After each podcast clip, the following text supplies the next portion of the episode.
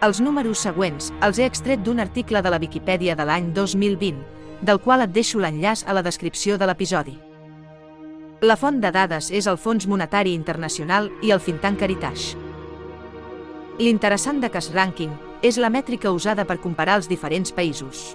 El percentatge que representa la suma total d'impostos recaptats respecte del total del producte intern brut.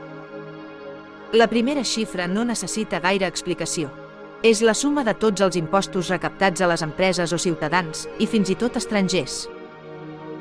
El producte intern brut és una magnitud macroeconòmica que expressa el valor monetari de la producció de béns i serveis de demanda final d'un país o regió, normalment durant un any.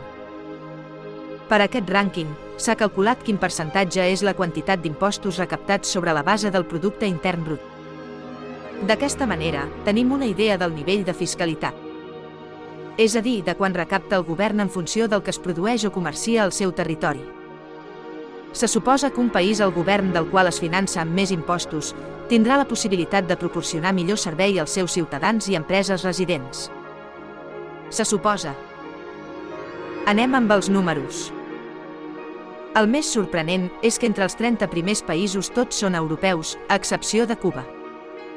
França i Dinamarca estan en primer lloc, amb un 46% de fiscalitat. Els darrers països de la llista tenen una fiscalitat per sota del 34% i són Espanya, Regne Unit, Moldàvia, Estònia i Eslovàquia. El cas de Cuba és estrany. És a la posició 8, amb un 40% de fiscalitat. Sincerament, no tinc prou elements per entendre per què és l'únic país no europeu en aquest rànquing. Deixa'm la teva opinió en els comentaris, si tens alguna dada rellevant sobre això. Si calculem la mitjana de fiscalitat per continent, així queda el rànquing. Europa un 34%, Nord-amèrica un 23%, Sud-amèrica i Oceania un 22%, Àfrica un 17% i Àsia un 15%.